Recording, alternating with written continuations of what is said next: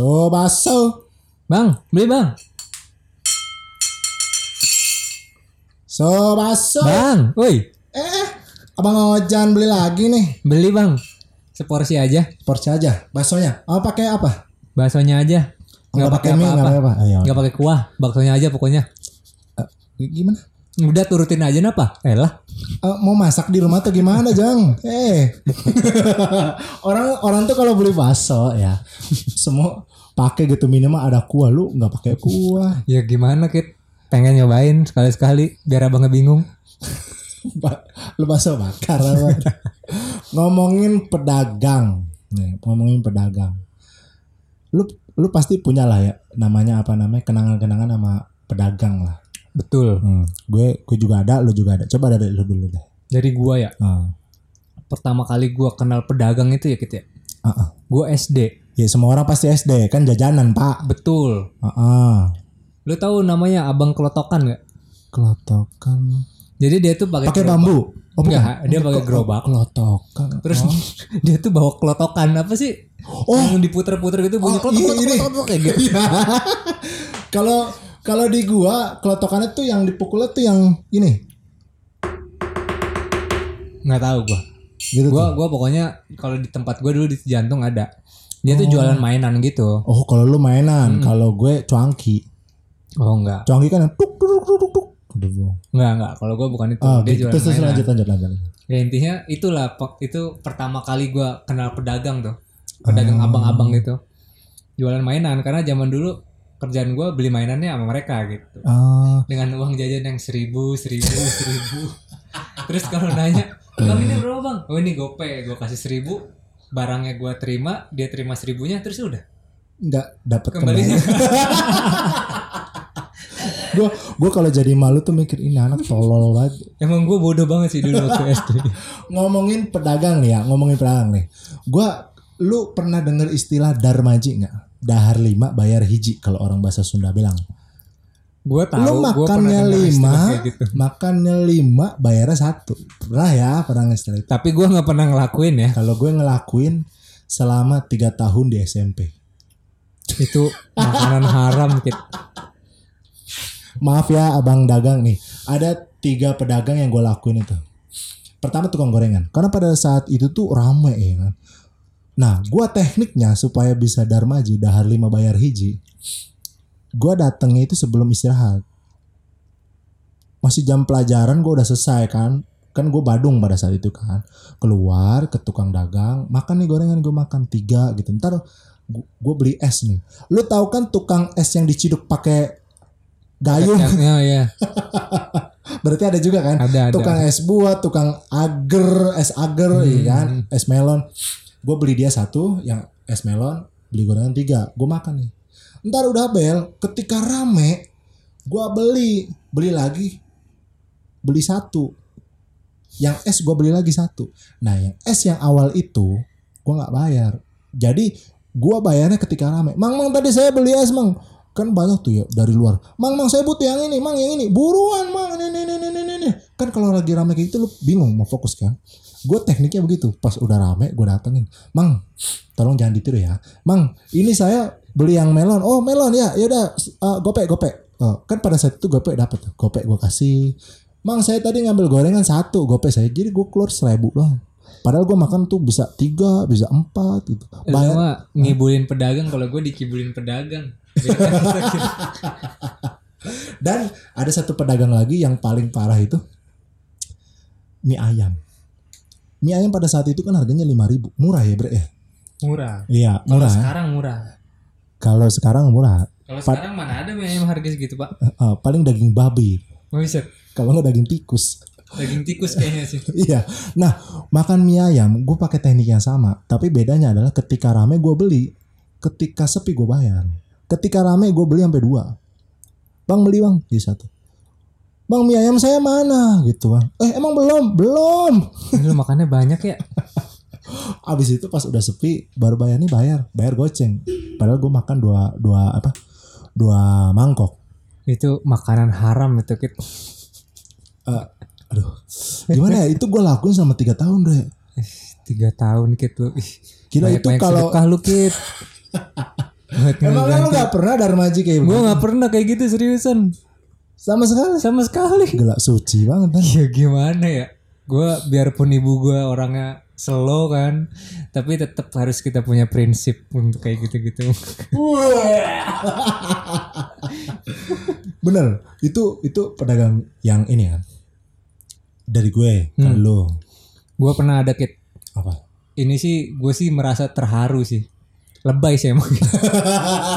Jadi ada Terharu gara-gara pedagang. Jadi ada, ada si ada tukang ketoprak nih. Tukang Dia sering sering lewat kan depan rumah kan, Oh, rumah yang di yang di Cijantung. Ah ya ya. ya. Terus emang ketoprak dia tuh enak. Jadi kita kalau mau beli ketoprak tuh nunggunya nunggu yang dia yang lewat. Oh, soalnya kalau mau kalau- yang lain biasanya gitu ya. Ah, kalau udah soalnya- enak satu udah dia. Iya, soalnya kalau hari Minggu tuh banyak yang yang apa suka lewat. Tukang ketoprak tuh banyak. Iya, Nah, kita paham, paham, paham. nungguinnya maunya yang beli belinya dari dia. Dia tuh pokoknya lewat depan rumah tuh Ah. sekitar jam 9-an aja. Sampai ternyata ada temen gue yang tahu nih si tukang ketoprak ini. Tapi gue juga nggak tahu sebenarnya dia tahu apa enggak. Oh. Kata dia, kata temen gue, oh itu namanya Jai kata temen gue gitu. Oh. Akhirnya gue tuh sekeluarga manggil dia Jai, Jai, Jai aja gitu kan, Bang Jai aja gitu. Padahal mah nggak tahu nama dia beneran Jai apa bukan gitu. Da- terus yang terharunya? Ter kan gue sering banget beli sama dia kan. Hmm, terus Terus gue sering sering juga ketemu dia kalau di tempat ininya dia, tempat nongkrong dia yang lain tuh. Ah, ah, Jadi kalau gue kelewat ininya dia, lewat Iya. apa jam lewatnya dia tuh, ah, gue pengen makan ketoprak dia tuh gue tahu gue harus ke mana biar ketemu sama dia. ah. Nah sampai akhirnya tuh pas sudah gue kuliah kan gue pindah rumah kan, Oh iya ya. gue udah udah nggak di jantung lagi ah. tuh. Terus udah beberapa tahun lah, ada kali dua tahunan gitu. Gue Ah. pengen makan ketoprak dia lagi. Oh, Nyari lah tuh gua. tahun. Biasanya tuh orang udah lupa. Nah iya nyari deh tuh gue kan ke tempat tongkrongan dia biasa kan. Ah. Ada dia ternyata di situ. Oh. Dia gue dateng dan dia ngeliat gue tuh dia ngenalin gue gitu. Dia tahu kan gue gue Dimas kan kalau dipanggil di rumah. Wah gila gue terharu aja gitu kan. dia masih kita sama gue. Dia dia nanya udah nggak ini lagi ya nggak tinggal di situ lagi katanya. Oh iya bang udah pindah sekarang ke Depok. Wah gila. Eh, itu kan pasti kede- kedekatan kayak gitu tuh kadang terharu. Ih terharu banget pak gue pak anjir dia. Ngomongin kedekatan sama sama pedagang ya. Hmm. Cuman kalau gue beda. Hmm. Kedekatannya gue dengan pedagang itu malah gue dilabrak. Itu waktu gue kuliah bre. Di ih bener pak itu malu. Gue kan memang deket dengan pedagang siapa pun itu ya. Mau beda umur lah, mau tua mau muda ya kan. Kebetulan yang deket ini tuh eh, maaf kata ya statusnya janda, cuman udah agak tua. Ya gue nganggap dia itu sebagai budaya gue di situlah. Eh, kan selain budaya gue yang ada punya warteg gitu. Gue kalau sarapan di dia nasi pecel. Gue deket sering bercanda. Sampai di satu waktu ketika kita lagi nggak kuliah, oh di hari Sabtu, itu kan pasti di kosan tuh. Tiba-tiba pagi hari, jam 9 apa jam setengah 9 gitu lah, datang. Dia gebuk, gebrak, gebrak pintu sama jok motor gue. Bangkit! Gara-gara elu ya. Saya jadi berantem sama dia. Lah, lu tiba-tiba ada itu kan bapak-bapak kos ya, bapak-bapak kos perempuan di dekat rumah di dekat kosan gue. Bukan Ini kos- bapak kos lu. Bukan, ini kosan gue di sebelah kosan gue itu kosan cewek. Hmm. Nah dia bapak penjaganya. Gara-gara lu kit, gue jadi berantem sama dia. Lu juga ngapain sih deket sama dia? Gue gua mencoba mencoba untuk mengolah di otak gue. Deket kayak apa nih? De- siapa Pak D? Gue bilang gitu. Si ini ini ini, ini. Lo tukang nasi pecel itu. Loh, saya emang anggap dia bude saya. Deket yang seperti apa? Lu nggak usah deketin dia lagi. Gue digituin Insecure banget itu kata gue bapak. Dalam hati gue eh gue masih muda ngapain ngedeketin janda anjir? Janda juga janda peot gitu loh. Bahasa kasar ya. Janda peot gitu. Dia tua emang udah 40-an gitu kan. kan kan pade ini juga udah tua gitu. Kata gue ya udah pade gitu. Gue kesel. Sampai bapak ibu kos tempat gue bangkit kenapa? Saya nggak tahu pak. Saya cuma deket sama, aja sama bude yang ini. Saya juga udah nganggap dia bude tapi dianggapnya saya mau ngerebut dia. Lah kan ini kok jadi kisah percintaan? Saya kan deket pedagang itu kan cuman memang pengen kenal aja gitu loh. Gue sampai punya nomor tukang gorengan punya nomor tukang apa nama jual kelapa. Gue gue kalau deket gue punya nomornya mereka. Ibu warteg ini. Bude lah hari ini lauknya apa aja gitu yang dimasak. Ada ini ini ini. Oh ya udah saya ke situ saya mau ini ini ini. Toto gue datang udah jadi. Hmm. tinggal ngambil tinggal makan di situ itu kedekatan ya. Tapi kedekatan ini tuh nggak nggak masuk akal sampai gue dikira mau ngerebut kekasih orang. Janda janda peot joy kata gue ya Allah pak deh itu yang pertama. Anehnya yang kedua gue didatengin. Dia minta maaf bre. Bangkit saya minta maaf ya kemarin ini ini. Itu setelah hampir sebulan dia baru minta maaf. Bangkit boleh lagi makan di situ Emang sebelumnya juga emang sebelumnya nggak boleh.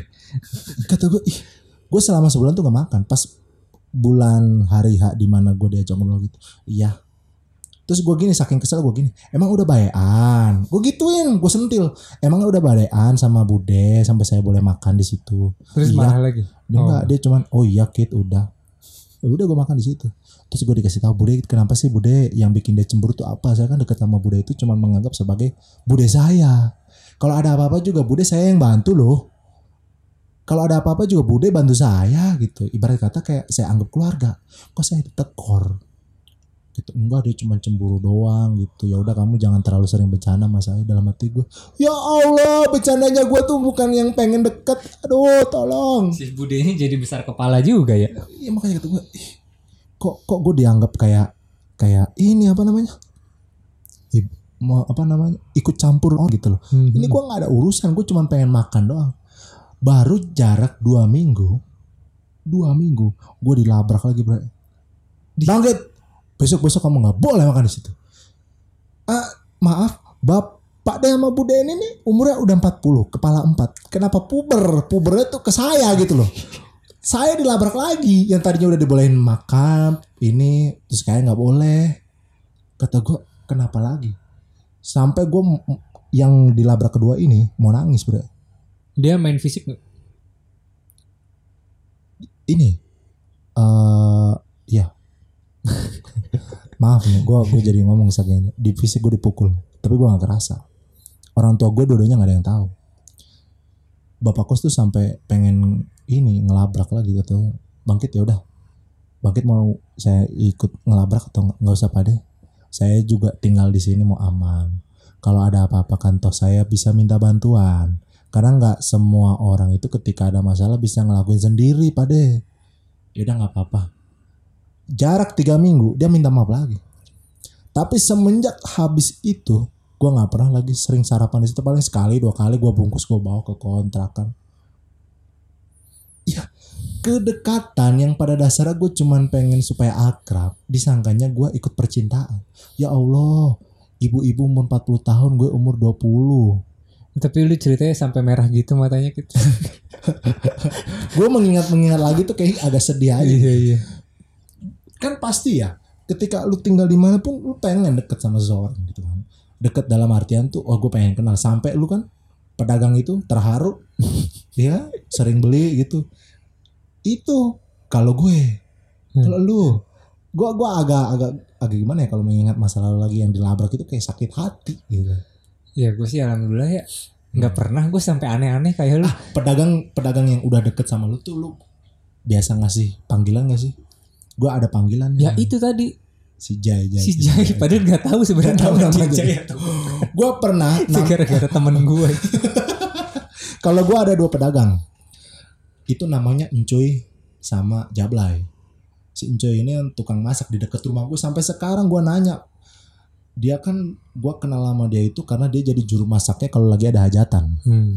nah juru masak hajatan ini gue nanya cuy lu namanya siapa sih? Udah panggil aja Encuy gue malas ngasih tahu nama gue kata gue ya ya kan biar sopan. Namanya aneh kali. kata gue ya udah Encuy aja ya udah Encuy si Jablay itu yang tukang asinan keliling tau kan tukang asinan? Iya iya iya. ya keliling Lai gue tuh sebenarnya pengen manggil lu nama pengen kenalan sama lu. Tapi kenapa sih lu pengennya dipanggil Jablay? Ya kan gue pedagang dibeli banyak orang. Enggak ada Apa hubungannya, apa hubungannya sama Jablay woi. Kata gue ya gue cuma pengen kenalan aja sama lu. Nama lu siapa? Gitu. Lu panggil aja Jablay kata gue laki itu. Kata gue ya Allah ada Emang dia emang butuh dibelai kali dia emang jarang dibelai. Butuh belayan. Gua gua gua gua ngerti ya. Ketika kita udah deket sama pedagang pasti kan ada panggilan-panggilan khusus yang tadi gua bilang cablay, encuy itu kan. Tapi pas gua nanya nama Nggak mau ngasih nggak mau ngasih. Dan lu pun jai jai tadi Iya. sampai sekarang gua tanya nama aslinya apa? Nggak tahu kan. Dia juga nerima aja ya dipanggil kayak gitu. Maksudnya tuh dipanggil itu tuh dia nyaut gitu. hmm. Emang nyaut, cuman sebenarnya gua nggak tahu apakah emang bener itu nama dia apa bukan. kalau kalau ngomongin pedagang biasanya ada identiknya dengan BN eh BIN Badan Intelijen Negara yang gue oki talkie itu loh Ber- pernah nggak lo ada pengalaman gitu gue ada loh Gue tapi nggak nggak pernah pengalaman langsung sih cuma cuma sering ngeliat kayak meme-meme-nya kayak gitu Iya, doang. ya kan? Nah, di TikTok juga kadang-kadang ada itu. Nah, ini di deket kosan gue, tukang bubur dekan depan bank BNI apa mana gitu. Kosan yang di mana nih? Kosan gue yang di Margonda, Oh, itu tuh dulu ada tukang bubur. Itu gue kalau beli bubur tuh biasanya 15 ribu gitu. Ini 15 ribu, tapi lauknya gila, ayamnya banyak. Tahu kan di- kalau di bubur itu ada ayam, ada cakwe atau apa gitu kan Hmm, ya hmm, hmm. itu ayam cakwe kacang banyak banget kata gue ini orang nyari untungnya dari mana 15 ribu Terus nggak enak lagi. Ih enak gue Oh, biasanya kan di benak kita kalau yang namanya ini intel apa namanya intel gitu ya. hmm. nggak enak nih masakannya kan dua enak. hal dua hal kalau pedagang masakan yang nggak enak antara itu intel emang dia nggak jago masak ya kan Iya. tapi kebanyakan rakyat yang mimim tadi itu kan intel nih jangan nah gua kepikiran kenapa dia intel BIN itu pernah eh pas gua makan gua ngobrol sama warung kelontong di sebelahnya itu yang dia tempat nongkrong dia bilang eh ah, tempat itu tuh aneh tau di seberangnya seberangnya seberangnya si tempat jualan itu emang anehnya kenapa Ini ngomong sama lu. Oh, oh, tukang kelontong ya bukan yang tukang bubur ya Hmm. Tempat itu tuh maksudnya dia nunjuk ke mana? Nunjuk ke seberang katanya aneh Seberang itu apa? Si tukang bubur tadi. Ah, ah. Oh, ini tuh ini tukang bubur nih bang di sini ini seberang jalannya yang di Margonda itu ruko itu ruko itu kok ini abang dia tetap jalan tapi nggak rame dia bayar rukonya pakai apa ya hmm. kan kita udah bertanya gue ya namanya obrolan orang pedagang kan kadang suka nggak jelas Ini ini sebenarnya si tukang kelotong itu ngomong sama lu apa Nah, sama ngomong sama si- gue Oh. ngomong sama gue tapi ada tukang bubur itu kan Mm-mm. entah kenapa jarak dua minggu apa tiga minggu gue dapet cerita lagi dari tukang kelontong bang bang lu tahu nggak? Di seberang sono. Kenapa yang kemarin saya tunjuk ya kasih tahu. Wah itu bandar narkoba. Gua, Jadi deket kampus dong itu. iya bre. Kata gue Hah, yang bener lu? Lu jangan ngadang-ngadang. Bang gue kalau jaga di sini 24 jam. Lu bilang gitu kan. Terus jam berapa itu di Gebek jam 3 pagi bang. Jam 3 pagi sepi dong. Iya tapi itu rame dan itu kebetulan cuma saya doang kan? Ya elah kalau jam 3 pagi kan ruko sepi ya. Mm. cuma ada dia doang kan? Saya ada saya doang bang. Saya ngeliat jam 3 pagi rame rame rame rame. Gitu kan. Terus ada si tukang bubur itu lagi. Terus dia bilang sekelebet tuh saya ngeliat si Amang tukang bubur. Itu jangan-jangan intel kali ya bang ya? Lalu jangan ngomong kayak gitu. Setelah kejadian itu jarak dua hari apa tiga hari dia nggak pernah dagang. Sampai sekarang. Mm-mm. Maksudnya sampai lu sampai lu beberapa satu bulan jarak satu bulan dua bulan baru dagang lagi. Mungkin kalau gue berpikir sebagai intel siapa tahu itu tempat masih dipakai tapi jarang ketahuan gitu kali ya. Nah dia cuma itu jarak sebulan dua bulan dia ini mulai lagi dagang. Dagangan. pas gua tanya alasannya apa nih? Kok baru dagang sekarang? Oh saya ke pulang kampung ngurus ini orang tua. Gue jadi ngurus khawatir. istri gue bilang gitu. Cuman gua agak curiga. Iya. jarak seminggu gak dagang lagi. Besoknya gue dapat kabar ada gerebek lagi bang. Ah masa? Tapi ruko sebelahnya jarak tiga ruko. Hmm. kok ini lama-lama nggak aman nih Margonda ya? Tapi dia gerebeknya rapi bang nggak rame. Cuman pok pok pok pok, pok. ada teriak-teriak dikit saya mau ngeliat doang. Gue kan antara percaya nggak percaya yang gue nggak percaya dia omongan tapi yang bikin gue percaya itu itu tukang bubur. Dia bilang katanya fisiknya sama gemuk-gemuk gitu. Tapi setelah kejadian itu pasti nggak dagang. Hmm. dan terakhir pas gue ke sini gue kan ini ya kadang pagi-pagi udah nyampe sini nih pas gua masih punya cewek. Oke. pas gua main ke pagi ke sini udah lama kok tukang bubur udah nggak ada. Gua nak tukang kelontong nggak ada. Udah nggak pernah jualan lagi bang jawaban gitu. Udah kelar berarti di sini. udah kelar kayaknya. Gitu. Lu jangan ngomong lu bisa aja deh. Itu cuman emang emang orang tuanya yang di sana lagi masalah. Lu bilang BIN BIN tahu buset dah.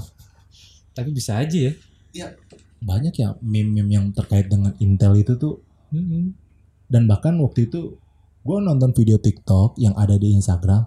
Dia itu polisi gemuk ternyata dia jual martabak ternyata Yang ini jadi ya, di dalam gerobaknya ada helm polisi.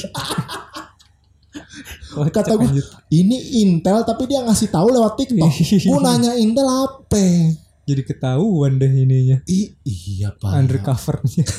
Eh, ini gue coba tarik mundur lagi soal pedagang Hmm. gue pertama kali sangat kagum dengan pedagang itu waktu SD lu tahu kan pedagang agar agarnya warna merah terus dia bisa bikin gambar atau ukiran dari eh tahu ya? Iya, iya, iya. tahu ya? Ada ada jualannya juga sama ya dia. ya dan itu tuh gue pertama kali sangat suka seni rupa tuh gara-gara dia. Ya. Agar yang diukir bisa jadi musola ya bisa jadi mobil bisa jadi orang apa gitu. Hmm, ya artinya lo ada kan? Ada ada. ada kan? Zaman SD mah ada aja pasti yang dagang kayak gitu nah ngomongin agar nih lu pasti pernah makanya agar dicampur susu bubuk Iya. susu bubuk merek apa tuh gue lupa tuh Sebubuk merek nggak jelas yang pasti. ya yang yang karakternya tuh Superman Gua nggak nggak ingat sampai situ sih. Ya, itu bubuk bubuk coklat ya kan. Hmm. Ntar agarnya mah hambar. Ntar diaduk gitu. Bener berarti ada kan? Iya ada ada ada ada. Beli beli Ngo- juga. ngomongin pedagang. Mie, mie goreng. Mie goreng Hmm. merek apa pertama kali lu makan? Coba. Gua nanya nih, gua nanya. Mie goreng yang pertama kali gua makan mah Indomie. Indomie. Kalau dari pedagang sih beda. Kalau dari pedagang mau mie sakura. Iya, berarti kita sama. Mie yang pertama kali gua ngerasa ini murah. Enak sih nggak biasa. Kalau buat gua tuh mie goreng Indomie itu minyak sultan. Mie sultan. Oh. Iya. Pada saat itu kan gua nggak bisa beli sendiri, Bre. Uang jajan gua kan pernah gua bahas 2000 dulu loh yang di Dua episode. ribu stagnan lagi ya. Iya, yang ke kelas 6. Dulu kan gua pernah ngebahas tuh yang makanya gua ngambil duit temen itu loh. Hmm. Gue cuma heran ya mie sakura tuh kalau gua ya, kalau Hmm, gua hmm. ngerasanya makan mie sakura beli di abang-abang kayak gitu tuh gue sih ngerasanya enak. Tapi gue pernah beli mie sakura, Oh, beli mie bikin sakura, sendiri. gue bikin sendiri itu rasanya kurang. Emang enak itu kalau dimakan di aqua gelas gitu kan. Ih ya Allah, aqua styrofoam setengah. Iya, iya, iya. Kalau gue paling sering itu di botol itu tuh. Padahal kan itu udah bisa dipertanyakan kebersihannya. Iya, betul. Entah itu botol mulung dibersihin atau kayak gimana, kita mau makan aja. Makan aja zaman dulu, aduh. Iya. Gini. Kalau ngomongin mie, gue sama jajanan, gue nih di luar pedagang ini ya tema pedagang. Lu pasti ada waktu di mana ketika lu udah jajan, lu ngumpet dan nggak pengen bagi-bagi. SD tuh. Hmm. Kenapa? Karena ketika lu baru kata nih, gue pernah juga ngelakuin. Ada temen gue yang jajan. Eh bagi dong. Eh bagi dong. Yang minta tuh 10 orang. Lu beli seribu makannya kayak beli cepek. Pernah lo ngelakuin gitu. Iya. Sampai di satu titik giliran gue yang beli, gue ngumpet. Lu Beli kurang es, ajar sih. beli es itu. Beli es dan pernah pernah nggak sih lu bawa bekal yang lu anggap bekal itu kayak kalau kita ngomongin mie ya. Hmm. Bekal itu tuh sultan banget buat kita. Nasi dicampur mie goreng. Itu tuh udah bekal yang paling nikmat banget sedunia itu tuh. Waktu kita SD. Pernah lu bawa gue bekal? pernah bawa kayak gitu. Dan balik lagi ke tadi yang ngumpet. Pasti gue kalau makan itu ngumpet. lu kurang ajar ya lu orang lagi makan lu minta sendirinya nggak Nah, mau tapi kalau gue ngumpet, itulah kurang lebih tepatnya adalah kurang ajar yang lu bilang tadi, egois juga iya lah. tapi kalau buat gue sebagai anak yang nggak mau bagi-bagi, gue pengen nguntungin diri sendiri. ya emang ya egois bener. Gara-gara sering beli mie goreng mie goreng gitu tuh Hmm. pas di rumah suka bikin bikin mie goreng sendiri terus ditaruh di plastik gitu lo pernah jadi biar ngerasanya kayak kayak beli di abang-abang kayak gitu Kalau iya anjir lah. Kalau gue enggak ini nyeduh mie rebus Heeh. langsung sama plastik plastik. Maksudnya nyeduhnya tuh di dalam plastik. Jadi Oh, air panas dimasukin ke dalam plastik terus dituangin bumbu. gua nggak pernah sih kayak gitu Itu gue SMP. Kalau pas SD gue makan itu mie sakura mentah di cuma dikeremes-keremes-keremes Iya, gitu. iya, iya. Pernah kan? kalau gue yang sering dikremes tuh mitami tau gak lu Emang minyak khusus mentah. Kagak itu dimakan. mitami tuh kayak mie biasa sebenarnya Maksud sih? iya Tapi gue heran tuh kok kayak kayak dulu tuh kayaknya enak banget gitu loh. Heeh. emang emang Ki- seringnya dimakannya di diremak kayak gitu Hmm, padahal kita udah tua kayak begini tuh pasti eh elah itu direbus bentar sakit perut lu. iya kita makanya. SD tuh liar banget. Udah Sering saking malesnya diremes. Krek krek krek krek. Tuang. Dan itu tuh pasti diminta-minta. Oh, gue minta Hmm. dong. Wah, enak banget nih. Besok-besok gue beli ah. zaman dulu tuh kan gue kan bawa kayak gitu kan ke Ah. rumah terus sama temen gue tuh ada juga Ah. temen gue juga bawa kayak gitu Udah gitu kita makan kan temen gue ini kalau makan tuh diambil dari kantongnya terus jarinya tuh masuk juga ke mulut dia kan Ah. terus abang gue tuh ngeliat kan abang gue tuh pengen minta terus dia bilang itu minta ke dia tuh nggak mau kata dia ngerasa ngerasa kurang higienis. Padahal pada dasarnya dia juga pernah ngelakuin. nah iya makanya Ya, tapi kalau orang lain kan ya geli aja gitu Nih, ngomongin jajanan di pedagang. Biasanya jajanan itu bisa menentukan antara lu anak sultan atau enggak. Kalau gue bisa tuh dari permen karet. Eh, permen karet bubble gum yang kotak-kotak itu itu mahal. big bubble Big bubble. iya iya Ya, gue nggak bisa beli. Nah, kalau buat anak-anak yang kurang sultan, ya bahasa kasar miskin lah. Biasanya itu beli permen karet merek Yosan. oh iya Iya kan? yang ngumpulin huruf-hurufnya itu Iya. Ngumpulin yang paling susah dikumpulin itu huruf N, susah didapat. Seingat N. gue.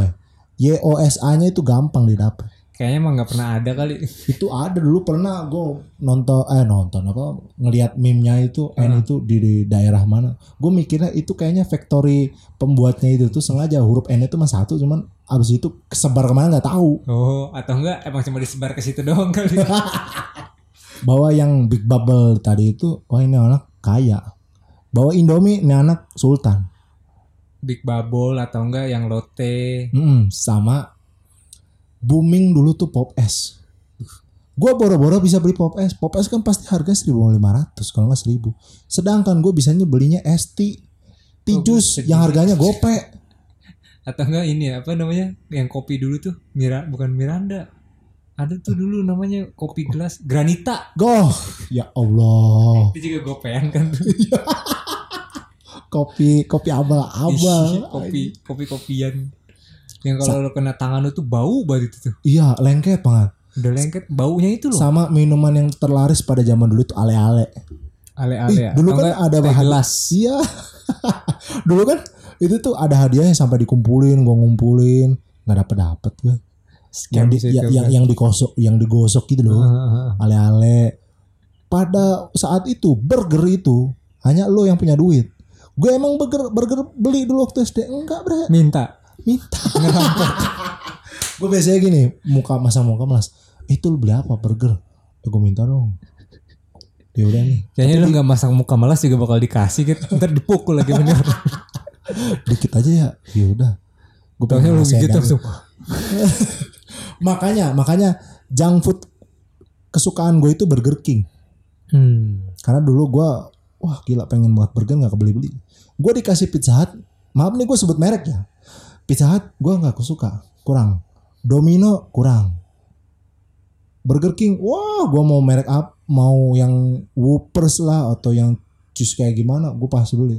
Itu enak. Nah kalau junk food kesukaan lo apa? ya? junk food kalau gua paling ayam KFC tapi ayamnya ya yang crispy Oh. kalau misalnya ng- ngomongin kentang kentang gue senengnya McD oh iya katanya lebih asin ya.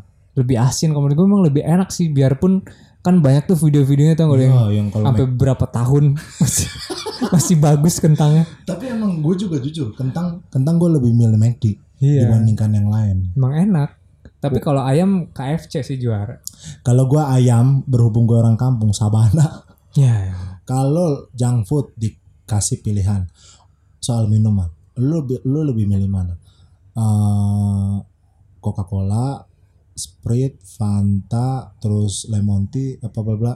Lu pilih mana? Gua kalau minuman kayak gitu gue sukanya Sprite. Sprite. Sprite. Kalau gue soda tuh kurang.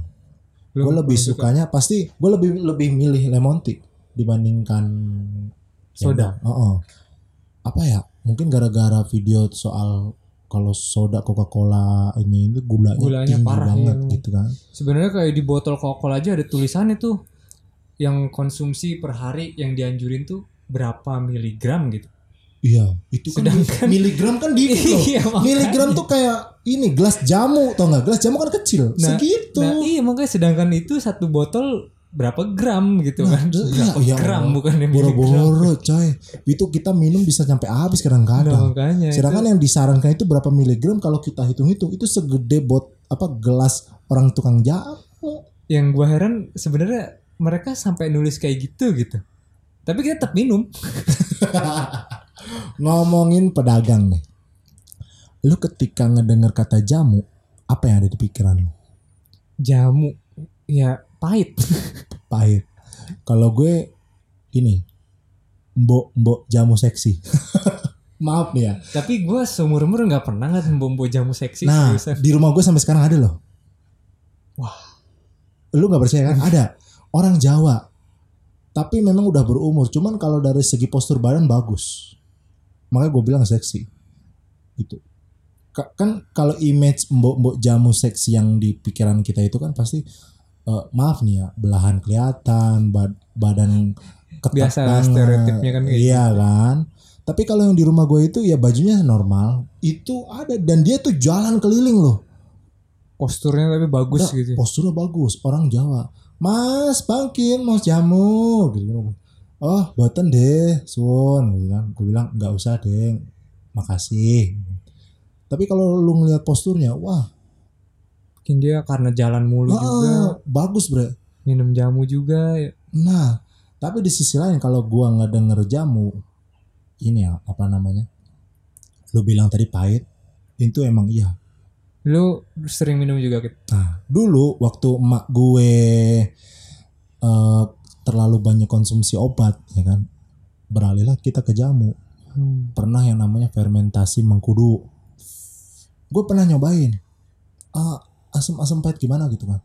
Dan sampai di titik gue pernah nyobain brotowali. Jamu pahitan. Hmm. Wah, lu belum pernah kan ya? Nggak pernah sih. brotowali satu tetes ibarat kata kayak satu tetes obat mata gitu ya pahitnya tuh seluruh mulut sampai tenggorokan dan lu kayak mau muntah. Lu minum itu biar apa? Kenapa? gue Bro? cuman penasaran kan ibu gua tuh dia mau mengurangi obat gantilah ke jamu. Jamu brotowali jamu pahitan kata gue. Mah mama minum bisa sampai dua gelas kok nggak kenapa-napa. Ini aku setetes aja gila pahitnya. Pahitnya tuh bener-bener nggak cuman yang seng sebentar nggak. Bisa sampai lima menit pahitnya bre banget kata gue nanya ke mama mama kok bisa sih pahit sekuat itu lah? Mama udah biasa. Wah gua nggak kuat bre. Gue dikasih jamu rebusan apa aja lah kecuali brotowali. Pahit kayak buah delima buah raja atau buah eh, buah delima. Mahkota raja daun mengkudu atau apa rebusan. Pahit tapi gua kuat. Gue cuman jamu brotowali gue yang nggak kuat bener kalau lu bayangin aja itu pahitnya setetes loh setetes pahitnya mas tenggorokan dan itu bisa lima menit setetes gimana emak gue yang dua ini Sing dua gelas. jamu ngomongin jamu nih merek apa yang waktu lu kecil yang pernah lu tahu Dih, nggak tahu gua. masa sih Seriusan, gua nggak minum jamu soalnya. buyung upi Buyung upi, oh ya pernah denger sih. Eh. Tapi gua nggak tahu, lu maksudnya. nggak pernah minum buyung upi loh minum. Ya Allah berarti gua doang di sini yang paling baik pengalaman ya Ya makanya, Kit. buyung upi wah Buyung upi itu jamu apa sih? jamu khusus bocah Untuk apa? ada juga yang emang buat daya tahan tubuh dan juga ada yang buat bikin pinter kan waktu itu kan slogannya dia bisa bikin pinter juga tuh Kalau gua dulu minumnya itu Scott Emulsion. Ah, Oke, oke ngedenger bahasanya aja itu udah ja, apa ya dalam artian suplemennya orang tajir gitu. Biasa Scott aja, Emulsion. Kit. minyak ikan. Iya. Lah gua mah ngedenger minyak ya udah. Oh maaf sebut merek. Bimoli, Iya, Sania. beda, ya gue taunya minyak itu. Ini minyak ikan. Oh mau. gua gua di umur gue yang sekarang minyak ikan itu untuk kucing. Buat kucing ya, iya. Iya. Biar nafsu makan ya, biar gendut. tapi tapi emang apa namanya ngaruh loh itu minyak ikan. Dan lu waktu itu minum minum minyak ikan apa tuh mereknya? Scott Emotion. Ya itu buat apa emang? Ya buat daya tahan, buat nafsu makan. Tapi gua gua kan nggak suka makan dari dulu. Ah. Dan nggak kayaknya nggak ada kayaknya nggak- ada pengaruh dulu. Iya. Kalau gue yang jamu yang bisa ngaruh ke ini nafsu makan adalah telur ayam kampung setengah matang Hmm. sama apa gitu gue lupa jamunya diminum. Dan itu ngaruhnya ke adek gue isi ajis makanya dia nafsu makannya gede. Dulu tuh adek gue sebelum gemuk kurus banget Bre. Sekarang gemuk, Wah gemuk, gemuk, gemuk banget. lebih gemuk dari lu. Iya, tingginya aja udah sampai segue. Buset. itu gara-gara jamu telur setengah mateng itu. Sama madu sama apa gitu. Kalau gue suka madu sih kalau. kalau lu nanya jamu apa yang masih gue konsumsi karena gue kan anak fitness. Gue paling yang pegel linu sama rematik. Dulu kan gue ada sejarah soal jamu rematik yang bikin gue sembuh dari saraf kejepit dua bulan setengah gue nggak bisa jalan. Oh yang di ini ya, pinggang lu sih. Iya, dulu gue gara-gara latihan deadlift gue ngangkat 120 kilo di tulang belakang gue pinggang bunyi cekluk. Setelah itu beban gue banting. Karena badan gue masih panas gue nggak kerasa. Gue pulang ke rumah itu tiba-tiba kan posisi badan udah mulai dingin nih. Wah mulai sakit tuh parah. Lu nggak bisa berdiri dong. Nggak bisa. Gue berdiri tuh, gue berdiri tuh harus ngeglinding ke sebelah kanan. Duduk Dan itu gue nangis teriak orang rumah kaget. Kenapa ini nggak bisa di nggak bisa bangun? Pertama itu. Yang kedua kaki gue nggak bisa nggak bisa napak ke lantai. Jadi mesti digantung. Plak gitu nampak. Rasanya kayak satu kaki dari kaki kiri ini telapak sampai ke pinggang itu ditusuk-tusuk tuh rasanya. Wah anjir, gue nggak bisa jalan selama satu bulan awal tuh gua ke tukang urut ceper. Kalau di orang Cikarang nih terkenal ya tukang urut ceper namanya kalau yang ngedenger podcast ini. Gue diurut sampai ngabisin duit tuh bisa dihitung 500 ribu. Sekali urut kan gue ngasih 50 ribu. Sampai otot gue tuh kendor lagi. Tapi nggak sembuh sembuh gua coba berobat ganti dokter dua kali. Dokter yang kedua itu wah dokter Anton namanya dokter Budiasi ya apa dokter di rumah sakit Budiasi dokter Anton itu ngasih obat dosisnya tinggi banget. Ini. eh, dia ngomong, kamu saya kasih obat dosis tinggi. Dan kamu saya kasih obat tidur untuk tiga hari. Kamu sembuh itu harus tidur di bidang rata, nggak boleh di kasur. Taruh kasur kapuk di lantai, kamu tidur di situ. Selama dua hari, itu pokoknya dua hari itu setelah dua bulan setengah gue ganti obat berapa kali itu pengendur otot, rematik, belas segala macam nggak mempan diurut sampai ngabisin duit 500 ribu lebih sekali urut udah itu gue ngurut dalam sebulan bisa berapa kali bolak balik nggak sembuh sampai gue pernah berpikir untuk kayaknya gue harus operasi endoskopi deh yang harganya itu bisa sampai 15 juta Kok di endoskopi sih? Iya karena di operasinya itu kita nggak perlu buat luka lebar Oh. cukup luka lubang kecil dan itu ada kamera di situ ada capitan Hmm. Jadi si sendi yang ngebuka tadi dicapit, di diangkat, disedot Mahal tuh ya. dan itu harganya 15 juta, Bre. Dalam hati gue anjing. gua- Maaf nih bahasanya kasar anjing banget. Gua kan kerja cuman buruh. Gaji nggak seberapa. Duit Karena- ada, karena duit penggunaan mesinnya itu. Iya, duit tuh ada. Tapi 15 Sayang. kali, wah gila worth it gak sih gitu kan. Dan itu gua sono, Jakarta Selatan. Gua udah dapet kontaknya, rumah sakit apa gitu gue lupa. Karena cuma ada di sana alatnya. Iya. Iya, karena alatnya cuma ada di sana. Kalau di tempat lain bisa mahal banget. Di situ paling murah 15 juta. Nah, gua udah kontak, itu ternyata ada prosedur gua harus scan. Scan full body, Terus- CT scan ya apa? gue lupa tuh pokoknya bentuknya bundar gitu dia ngelilingin kita gitu Iya, kan yang kita masuk gitu kan. iya iya gitu itu itu udah habis bisa sampai 5 juta. Di luar harga- harga 15 juta buat operasi doang. Kata gua, anjir gue bisa sampai 30 juta nih perkiraan. Belum nanti rawat di sananya Ah, kan. nah, gue pas ganti dokter dokter Anton ini gue dikasih dosis tinggi banget sampai gue susah tidur. Gue cari tahu ini efek apa namanya efek samping dari merek obat ini ternyata benar susah tidur makanya gue dikasih obat tidur 3 biji. Nah setelah itu enak bre. Cuman memang jongkok masih agak susah. Gue tuh berak nih.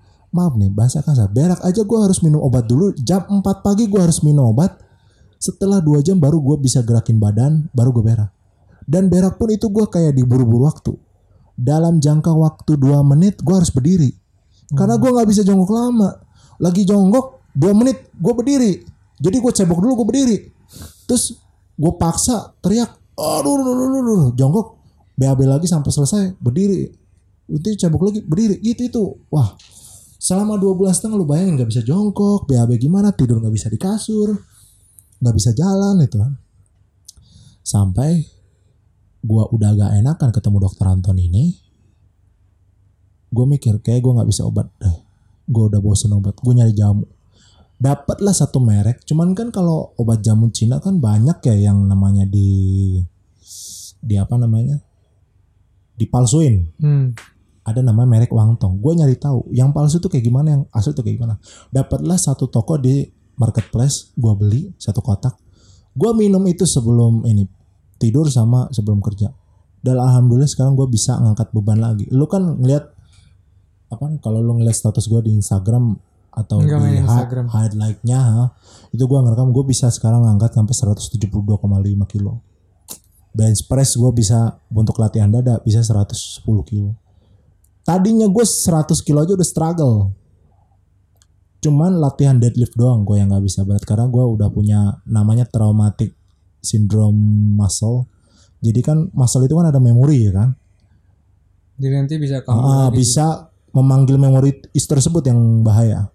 Makanya gue deadlift gue ngambil pelan. Jadi gue menghapus memori sebelumnya itu perlahan dengan latihan deadliftnya itu ringan-ringan dulu sampai ber sekarang gue deadlift udah bisa 60 kilo. Waktu itu tuh kesalahan apa yang lo lakuin sampai akhirnya? postur badannya. Pas ngangkat tuh gue kayak postur orang mancing. Seharusnya tuh baru harus tegap ketika lu ngangkat. Nggak boleh bungkuk. Nah gue waktu itu bungkuk saking sok taunya. Ngangkat bunyi cekluk udah. Sampai so- bunyi gitu bener-bener. bener-bener bunyi pak lu ibarat kata nih kayak lu ngitin kepala gitu loh. Hmm. bunyinya kayak gitu dan Tapi bunyi di punggung. tapi di pinggang. Oh iya di pinggang. dan bunyinya tuh lebih dalam. Kluk gitu loh. Kalau di leher kan kertak kertak sama cekluk itu beda loh. Cekluk itu udah sampai dalam. Ini kertak oh cuman luar doang. Gitu doang. Ini ini luar. Udah, udah jangan kayak gitu Iya. juga. Takut-takut. ini gue pinggang cekluk. Nah itu ngomongin jamu. Nah gue minum jamu merek Wangtong itu dan alhamdulillah gue sembuh. Jadi Tapi ke- yang yang dari dokter Anton itu udah lu stop. lagi. gue stop karena gue tahu efek sampingnya ini gue dikasih tahu dosis kamu tinggi loh ya. Saya kasih tinggi karena ini udah hampir dua bulan setengah kamu ngalamin ini. Dan kamu akan terjadi yang namanya eh, bukan pengapuran lebih ke peradangan sendi. Kalau udah peradangan sendi gue operasi besar dokter Antonnya tahu kalau lu akhirnya ganti ke jamu. oh enggak. Lu udah merasa gue cuma ngasih tahu progres. gue tuh punya nomor WhatsAppnya dia. Gue personal WhatsApp ke dia. Dokter hari ini saya bisa ngelakuin pergerakan kaki jongkok bisa lebih lama yang tadi cuma 2 menit saya bisa lakukan 15 menit. Selama tiga hari gue kasih tahu. Yang tadinya jongkok 15 menit saya bisa lakukan 30 menit. Sekarang saya paling lama sejam saya bisa jongkok terus dia ngomong kamu BAB sejam ngapain sih jongkok? Gitu bercandain. Enggak saya cuma mau Ngeliatin tes hand gag. saya cuma mau ngetes doang dok. Terus efek semutan. Ya iyalah kamu jongkok sejam. Orang sehat juga semutan sama cuy jongkok sejam. makanya kan ya dok tapi udah enak. Ya obatnya mau lanjut. Nggak dok saya mau apa namanya berhenti tapi saya mau fisioterapi di rumah aja gitu tadinya gue disuruh fisioterapi Iya, emang harus Tahu kan fisioterapi gitu yang kan. ditempelin itu sama ditembak apa namanya radiasi gitulah. Gue cari tahu fisioterapi harganya berapa anjir mahal Mahal bre, mahal gue nggak mau. Ya udah gue pakai jamu dan alhamdulillah ketika gue barat kata pinggang mulai agak ini karena squat atau dari yang gue lakuin gue ke jamu itu gitu. dan gue udah punya tukang jamu langganan dia udah tahu Ini yang mbok-mbok saya mau itu. Ah bukan. Oh, bukan. Ini tukang jamunya beda. Gua tahu merek Wangtong itu dari apa? Gue ke tukang jamu yang lain, dia nggak punya merek Wangtong, cuma dia doang yang punya. Oh. Tapi dia punya beneran. Dia punya beneran. benar. Gua pas gua lihat harganya kan dia jual sepuluh ribu. Gua cek dari segi harga yang di pasaran berapa sama yang di ini, iya sama. Masuk kan. gitu harganya. Oh, ibarat kata kalau di pasaran biasanya harganya sekitar satu kotak berapa, di dia kan dia nyari untung ya kan. Lebih mahal. Terus gua cek lagi untuk keasliannya sama. Itu. Ini dari pedagang bisa sampai ke jamu loh. Nama sama-sama juga Ke pedagang. ya. kesehatan. Ke kesehatan juga. Disembuhkan dengan jamu. Oh, dari pedagang yang gua dilabrak. Dari pedagang insecure. iya, insecure. Terus disangkanya gua ngerebut oh, pacar orang ya kan. Sekarang udah nikah tau mereka gua. Mereka nikah. Iya nikah, gue dapet kabar. Alhamdulillah. Tapi gue nggak ada, gue gua nggak dikasih undangan dan gue nggak juga nggak bakal mau datang. Iya, kalaupun diundang males banget gak sih? Iya, udah gue gue gue udah nggak mau ah, udah malas ah. Duh. Kisah lu Hmm? ada-ada aja sih, Kit. Kisah lu ada-ada aja. Eh, lu inget nggak dulu waktu kita kuliah kita itu dagang. Ada pelajaran mata kuliah apa itu? Kita harus jualan Oh deh. iya iya, apa ya? Kom ma- mar- marketing communication eh Pokoknya jualan aja intinya ya kan. integrated marketing communication. Ah, yang sampai jualannya ke fakult ke fakultas, ke adik kelas, ke kakak Hmm. kelas. Bahkan kalau nggak habis kita sendiri yang beli, kita nombok. Nah, ngomongin yang mata kuliah itu yang di mana kita harus jualan, gua dapat salah satu dagangan jualan itu dari tukang jus deket kosan gue. Gue punya rumah, punya nomornya, pada datang ke rumahnya. Dia bikin puding jagung. Waktu itu kan yang kelompok gue lu jual ya. Ya kelompok gue kan jual puding jagung enak banget itu kan. Walaupun awal-awal doang hype abis itu nggak laku. Ya biasa lah itu. iya. Nah itu gue deket sama tukang jus itu. Bahkan ketika gue sakit gue dicariin. Sampai sekarang masih Sekarang gue udah nggak komunikasi Oh. lah. Cuman kalau gue lagi main ke situ, gue pakai masker. Ngomong, kenal saya nggak? Enggak kan pakai masker. ngeselin banget. Oh, Pas- gua gua pas tahu dibuka, tuh yang jualan jus itu. Dia tahu Iya, kan iya, dekat iya. kosan gue itu pas dibuka, ya lo tole kamu ke mana aja digituin gue. Ya saya sekarang di Cikarang, domisilinya kerjanya di Cikarang. Oh iya iya itu. Ih, mau jus apa? Dikasih setengah harga gue waktu itu beli. Udah setengah harga aja udah nggak apa-apa. Saking deketnya itu. Itu kan waktu itu pernah tuh gue ikut jajan di situ terus ketemu ponakan gue, ketemu anaknya sepupu gue. Yang lu bilang rumahnya di belakang itu kan. iya. Itu bre. Kalau ketika lu udah deket dan ngerasa seperti keluarga, kadang kayak gue, gue dapat setengah harga, Hmm. kadang dikasih sisa gorengan tukang gorengan yang di pertigaan mau ke ko- kosan gue kan itu gue pernah ngebantuin istrinya pernah pernah ke kontrakannya ngebantuin dia dagang. Oh, Enggak, kirain ngebantuin cuman ngebantuin apa. waktu itu dia yang jeblos di got gerobaknya gue bantu angkat. Pokoknya Kok lu kisah lu kayak di anime-anime. gue makanya semenjak itu tuh gue kadang-kadang suka eh ini gorengan ada sisa tenang kok masih anget gitu. Dikasih. Itu gimana ya? Gue ketika kenal sama orang itu pasti gue selalu memberikan hal yang udah ditanamkan oleh orang tua gue. Tanamlah hal yang baik maka kamu akan dapat panen yang baik you reap what you sow. itulah kenapa makanya gue kalau di mana-mana gue memang orangnya kurang akrab tapi gue butuh satu dua bulan pedagang pasti langsung akrab sama gue. Dibandingkan sama tetangga-tetangga gue yang kayak orang ngontrak gitu nggak ada yang akrab. Tapi kok pedagang kenal gue gue lewat mau ke mana? Ditanya mau ke mana ini ini ini Dari Oh, awal SKSD ya. iya. Bahkan buat teman sekelas kita aja bilang lu mah orang SKSD kata gue ini bukan SK kalau yang zaman dulu bilangnya adalah bersahaja dan berbaur. Berat banget kata-katanya. iyalah. Orang anak zaman sekarang mau ngomongnya SKSD kata gue enggak ya. Gue mau pengen jadi orang yang bersahaja. Hmm. Iya, iya, iya. dari tukang dagang gue jadi ngasih moral tinggi apa lah biar harus begitu biar ada biar ada ininya gitu manfaatnya kita cerita cerita gini kan Iya dong, soal. Tapi kalau gue pikir-pikir kita ngomongin ngomongin pedang bisa ngalur ngidul ya. ngalur ngidul ya sampai langit jadi gelap banget ini itu aja udah ngalur ngidul tiba-tiba jadi ngomongin langit Ini udah udah jam 5 sore mau mau jam 6. Nggak sih ini kayaknya sih kayak mendung gitu sih Iya kayaknya mau jalan lu bawa mantel nggak? bawa dong masa gue punya motor nggak bisa punya mantel itu orang bodoh banget itu beli motor nggak beli mantel Aduh. Jangan jangan sampai di sini hujan di rumah nggak hujan. Wah, malas banget. Momen termales. iya jadi momen ngebetein pak udah capek-capek pakai jas hujan Yaudah ya. jalan sedikit tiba-tiba Momen kering pedagang ini kita lanjutin lagi nanti kalau misalkan ada ada cerita lagi. Wih, gitu. siap. Eh, gua seperti di episode-episode sebelumnya berharap supaya ada teman tambah lagi Hmm. dan doakan gue bisa beli alat selanjutnya. Oke, Mudah-mudahan nanti mikrofonnya nambah juga. Iya, yang betul. cerita lebih banyak. betul. Kita lanjut di episode selanjutnya.